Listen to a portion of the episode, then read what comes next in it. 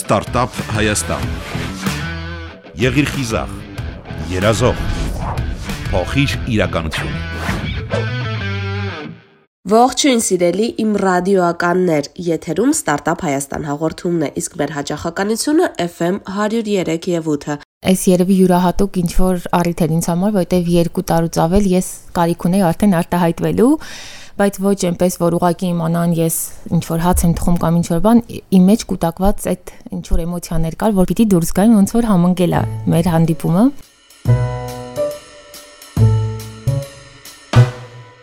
Մարինե Սարգսյանի հետ հանդիպումն իսկապես հետաքրքիր էր եւ ճիշտ ժամանակին։ Եթե դուք էլ ինձպես չգիտեք ինչ բան է թթխմորը կամ գիտեք, բայց մանրամասն չգիտեք, թե ինչ պետք է անել դրա հետ, ուրեմն մնացեք մեզ հետ։ Մասնագիտությամբ ես տնտեսագետ եմ, բայց չիրեմ, մի ուրախություն ասեմ, ցավոք ասեմ, ես չշարունակեցի այդ ուղությամբ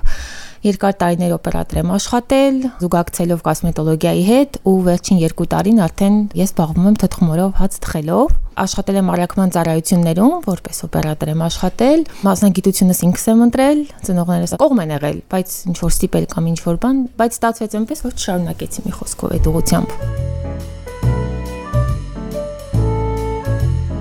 Եթե տարիներ առաջ Մարինեին որևէ մեկն ասեր, որ գալու է մի օր եւ նա հաց թխի, նա կծիծաղեր եւ կանցներ առաջ։ Չնայած նրան, որ կարողանում է համեղ ուտեստներ պատրաստել, այսօր Մարինեն թթխմորով հացեր է թխում եւ վաճառում։ Ես ու ծնողներս հենց Երևանում ենք ծնվել։ Գյուղի հետ ընդհանրապես առնչություն չենք ունեցել, որ թեկուս տեսած լինեմ ոնց են ընդհանրապես իմ ծնողներն էլ մենք կիլոմետրերով հեռու ենք եղել։ Համընկավ այս իդի շրջանի հետ հերթական ընկճախ տորերի մոտ ես մտա Instagram ու երբևէ չի օգտագործում Instagram-ը եւ այդ կարճ սթորիները որ պատտվում էր, ես նույնիսկ չգիտեի դա ինչ է ու Միկին ասեց իսկ այսօր կպատրաստենք թթխմոր։ Ես նույնիսկ այդ չգիտեի այդ բառն ինչա կամ ինչ բան, բայց այդ թթխմոր բառը ասենց շատ յուրահատուկ ձևով, շատ յուրահատուկ, չեմ կարող ասեմ ոնց որ գրկեր ինձ։ Այ ես այդտենց զգացողություն եմ ունեցել։ Մտա այդ կնոջ էջը որևէ բան չգտա, ինքը ուղակի այդ օրը պատրաստելու է թթխմոր։ Կարծեցի հաց թխողա ու չգտա։ Ու այդ գիշեր, ամբողջ գիշեր ես ուղակի Google-ով թերթել եմ ու մոտապես մի շաբաթ ես ուղակի կարդացել եմ թե թթխմորն ինչա իրանից ներկայացնում ու այդտեղից սկսեց իմ ընթացքը Մարինեն իրեն պրոֆեսիոնալ հացագործ չի համարում, ինքնուս է, բայց ընկերներն այնքան են ասել, որ ամեն բան ճշգրիտ ու սիրով է պատրաստում, որ հարմարվել է մտքին, որ ինքնուս լինելով էլ կարելի է պրոֆեսիոնալ լինել, նաև օրինակ մյուսների համար։ Հիմա որ շատերը սկսել են թխել, միշտ ինչ որ արտահայտություն են անում, որը թյուրիմացություն է բերում մարդկանց մոտ։ Ասում են, որ թխում ենք առողջ թթխմորով հաց առանց խմորիչի։ Ուրեմն խմորիչը այդ նույն դրոժ ասվածն է։ Դրոժը խմորիչը դա այն է, ինչը բարձրացնում է մեր հացը, բայց եթե մեր թթխմորով հացի մեջ չկա խմորիչ, ապա ինչն է բարձրացնում մեր հացը։ Ուղղակի այստեղ մի քիչ գրագետ պիտի ասեն, որ մաթը անկալի թթխմորը իրենից ներկայացնում է վայրի բնական խմորիչների ու կաթնաթթվային բակտերիաների սիմբիոզ։ Այսինքն այդ խմորիչները, այդ մեր ով մեր հայազգը որ գիտի որպես դրոշ, դա կա մեր թթխմորի մեջ, բայց դա բնական է վայրի, որը գտնվում է օթում, գտնվում է մեր ձեռքերի վրա, գտնվում է ալյուրի մեջ, գտնվում է տարայի վրա, որի մեջ խառնելու ենք թթխմորը եւ ինքը բնական ճանապարհով, երբ որ ալյուրն ու ջուրը խառնում ենք իրար, կատնաթթվային բակտերիաների ու խմորիչների հետ մտերմիկ, հա, իրանց կապով, ոնց որ ասած, ստեղծում է մեր թթխմորը։ Այսինքն ինքը նույն խմորիչն է, բայց ոչ արդյունաբերական, որը որ արհեստական կարելի անվանել եւ ինքն իրենով վտանգ է ներկայացնում, որովհետեւ ինքը իրենով վտանգ վտանգավոր չէ, բայց վտանգ է մեր փրերում օգտագործելուց, որովհետեւ իր իր վրա ավելացնում են հավելումներ, ինչ որ փոշիներ, շաքարավազ, որպեսզի արագացնեն այդ ամբողջ գործընթացը պատրաստման։ Թթխմորը իրենից ընդհանրապես ներկայացնում է ալյուր ու ջուր գինին ոնց են հնեցնում, այս ալյուրն ու ջուրն էլ խառնում են իրար, թողնում են ու ինքը սկսում է թթվել։ Թթվում է մի քանի օր հետևողական լինելու արդյունքում, ճիշտ քայլերին հետևելու արդյունքում ստանում ես թթխմոր, որը եթե ընդհանուր առմամբ իրեն լավ նայես, ծառայելու է ողջ կյանքի ընթացքում, այսինքն դու ունես իրան հավերժ։ Խանութներում չի վաճառվում, բայց կան մարդիկ, որոնք ուղակի չեն կարողանում ստանալ, բայց ինքը բարդ չի։ Ուղակի չեն ուզում ընկղմեն իր մեջ, հասկանան այդ process-ը ոնց պիտի լինի, բայց ես օրինակ շատ եմ նվիրել, հիմա սկսել եմ նաև վաճառել։ Ինչ սկզբում ասում էին, ինչի ես վաճառում, շատ էի նվիրում, բայց ես որոշեցի այդպես, որովհետև իմ թթխմորը 2.5 տարեկան է, ես կյանք եմ տվել իրան, ես ապրում եմ այս ամեն ինչով ու ինչ որ մեկն ուզում է նվիրում եմ սրտանց, ու ինքը եթե չգիտի ինչպես օգտագործի, ինչ չի էլ դիմում բնականաբար թափում է երևի հետո իսկ ես շատ նեղվում եմ շատ վիրավորվում եմ տենց բանից դրա համար հիմա վաճառում եմ իրեն որ գոնե ով վերցնում է գումար է տալիս մտածի որ ինչ որ բան է թանկարժեք ձեռք բերել ու զբաղվի իրենով Համավարակի ժամանակ շատերն սկսեցին հաց թխել, հատկապես թթխմորով։ Ոմանց համար դա պահի ազդեցության տակ կայացրած որոշում էր, որ գաղջը ծրվի մի քիչ։ Ոմանք էլ լուրջ ընդունեցին այդ ամենն ու սկսեցին ավելի խորանալ, ինչպես Մարինեն։ Ի սկզբանե հնում մեր տատերն ու պապերը հենց այս հացն են կերել թթխմորով ու առհասարակ թթխմորը տնից տուն են տվել։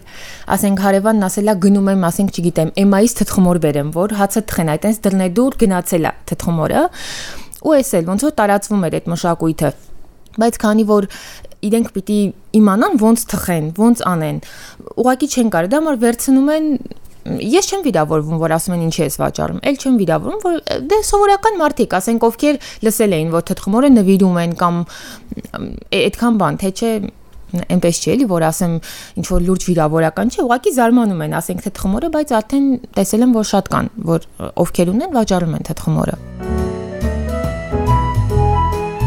Մարինեն մի ամբողջ գիշեր Google-ում անցկացնելուց հետո հասկանում է, որ անհրաժեշտ իրեր չունի գաղափարն իրականացնելու համար։ է մարդը, որը սրտանց եւ նպատակադրված ուզում է մի բան անել, հաստատ կանի, անկամ եթե չունենա հաց թխելու անհրաժեշտ պարագաներ։ Ինձ պետք էր կշեր խոհանոցային, որը որ ես չունեի, որովհետեւ տանը պետք չի եղել, մենք չենք ունեցել։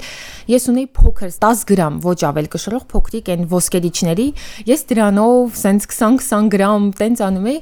Պապաս անցավ ասեց, «Էս կարողա դու քիմիկ դառնաս» վերջի, դե չի չէր հասկանում ինչա։ Հետո երբ որ արդեն թթխմորը սկսեց աճել, ինքը մեծանում էր, արդեն ոնց որ տանեցիներն էլ էր հետաքրքիր այդ ամեն ինչը։ Առաջի հացս թխել եմ բնականաբար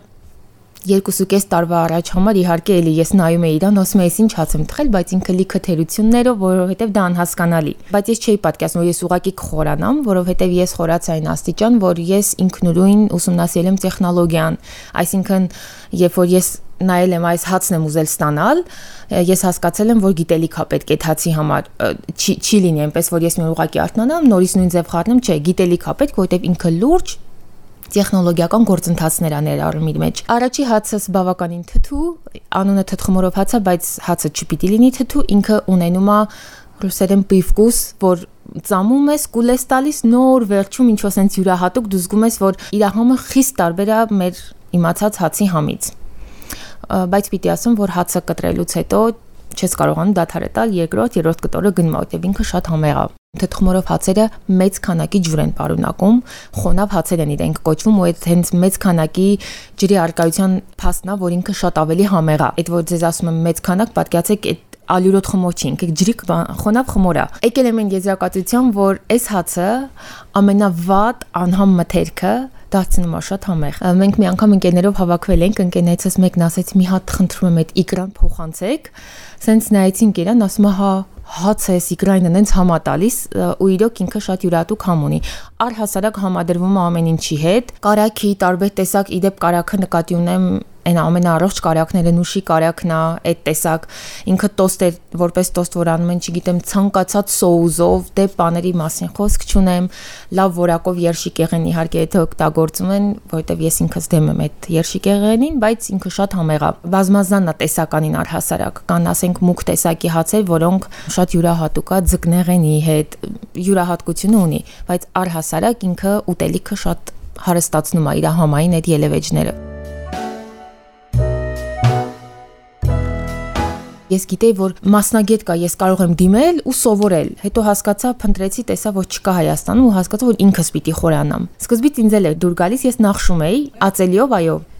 նախշում էի, իսկ հիմա ինձ ավելի դուր է գալիս հացը ինքն իրենով, ընդամենը կտրվածքով, իսկ կտրվածքն անում են, որպեսի մեջի այդ ավելորդացած գազը դուրս գա եւ այդ խոնավությունը։ Իսկ նախկինում, նախկինում հացերը նախշել են տարբերակելու համար, այսինքն օրինակ եթե ես դուք մյուսը հաց ենք թխում, ապա մեր նախշով տարբերակել են, որ սա օրինակ Մարիամի հացն է, այսինքն կոպիտ ասած էլի, բրենդային ինչ որ մի բան։ Այս նախշով հասկացել են, որ դա ձեր հացն է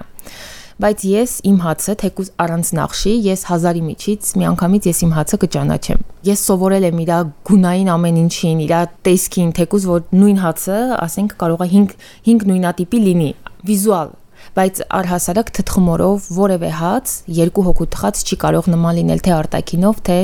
համային։ Այ իրանք այդքան տարբեր են լինում հաց ուտում ենք մենք ընտանիքով ու իմիջիալոց ինքը սենց միանգամից, ասենք այդ մի հացը վարքյաններ ա տևում եւ ես շատ-շատ նվիրում էի այդ սկզբնական շրջանում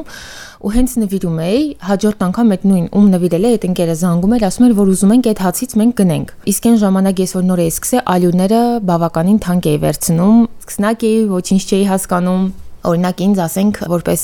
ալյուրից, հա, անհասկացող, դեռ չէի հասկանում տարբերությունները,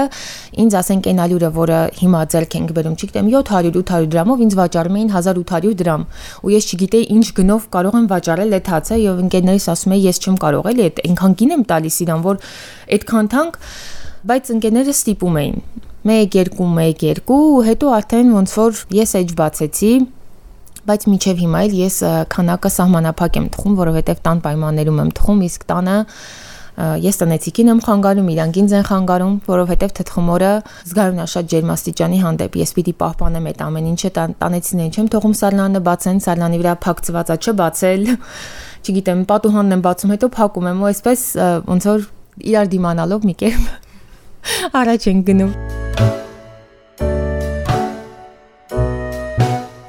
առհասարակ ինչով այս հացը տարբերվում մեր արդյունաբերական խմորիչներով հիմիկվա գործող ստանդարտ փրերի հացերից եւ չփնովելով ոչ ոքի աշխատանքը, բայց պիտի ասվի ինձ համար դա սուբյեկտիվ կարծիք է, բայց ես գիտեմ, որ մեծ մասը արդեն հասկանում են, որ այն հացերը, որոնք մենք գնում ենք սուպերմարկետներից եւ փրերից, իրենք համարում են չարիք որովհետև այդ հացերը արդյունաբերական խմորիչով պատրաստված, որի վրա ավելացնում են քիմիական ինչ որ հավելումներ, շաքարավազ, չեմ ուզում շատ խորանալ, իրենք անցնում են 1-1.5 ժամ հասունացում ընդամենը, իսկ այս հացերը անցնում են 24 ժամ եւ երկար հասունացում։ Այսինքն այդ 1.5 ժամը ավելացնելով այդ քիմիական ինչ որ հավելումները, իրենք արհեստականորեն կրճատում են այն հիմնական գործընթացը, որ պետք է տեղի ունենա ու ավարտվի, ուստի եւ հենց դրա արդյունքում երբեմն մարդիկ ուտում են, ասում են, ես տամոքսի խնդիր ունեմ, հացը լավ չեմ մարցում, բայց խնդիրը ոչ թե իրենցն է, այլ անորակ հացինը, որտեվ այդ արհեստականորեն կրճատած գործընթացի մնացած կոպիտ ասած մանրուքները տեղի են ունենում ստամոքսում։ Այս հացը ընտրում են շատ ուժեղ բնական համային զգացողություն ունեցող մարդիկ, ովքեր իրական հացի կողմնակից են եւ ովքեր թե ինչ-ինչ խնդիրներով կամ առհասարակ կյանքին հիմա զուգընթաց գնումա, չէ, այս առողջ ապրելակերպը ընտրել են առողջ տարբերակը եւ սա են ընտրում, բայց չէ, ինքը առիթների համար չի, մարդիկ օգտագործում են հենց առօրյայում այս հացը ամեն թխող ինքն է որոշում գինը, այստեղ ինքնարժեք ընդհանրապես կապ չունի, որովհետև ես այս գործը ինչքան էլ ինքը ինձ ինչ որ սիմվոլիկ սիմվոլիկ գումար ա բերում, ես ավելի շատ էգոիստաբար ասեմ, ես իմ համար եմ անում, որովհետև ես նվիրական շատ յուրահատուկ զգացողություններ եմ ունենում այս հացը թխելուց։ Կախված ալյուրի տեսակից, թխվող հացի տեսակից շատ տարբեր են լինում ու դե քաշնել։ Օրինակ, ասենք թարթին ինքը շատ լուրջ ուժեղ ֆորմուլա է, ամենահամով հացերից մեկն է, իր 500 գրամը ես վաճառում եմ 1200 դրամ։ Թեպետ լսում եմ արտահայտությունները, թանկ չի կամ ինչ որ բան, բայց ես միշտ համեմատություններ եմ անում։ Ասում եմ, որ այս հացը պիտի գտնվի ամենաթանկարժեք գինու եւ բաների կողքին, որովհետեւ ինչ որ մեկը երբ որ խմում է, չգիտեմ, 1500 դրամանոց գինի, ինչ որ մեկն էլ խմում է 27000 դրամանոց գինի այս տեսակ համեմատություններ ա գնում, այստեղ կա որակ, այստեղ կա աշխատանք, այստեղ կա ձերքի աշխատանք եւ հաց, որ օրինակ ես երբևէ չեմ ամաչում թե նվիրելուց, թե իր արժեքը տալուց։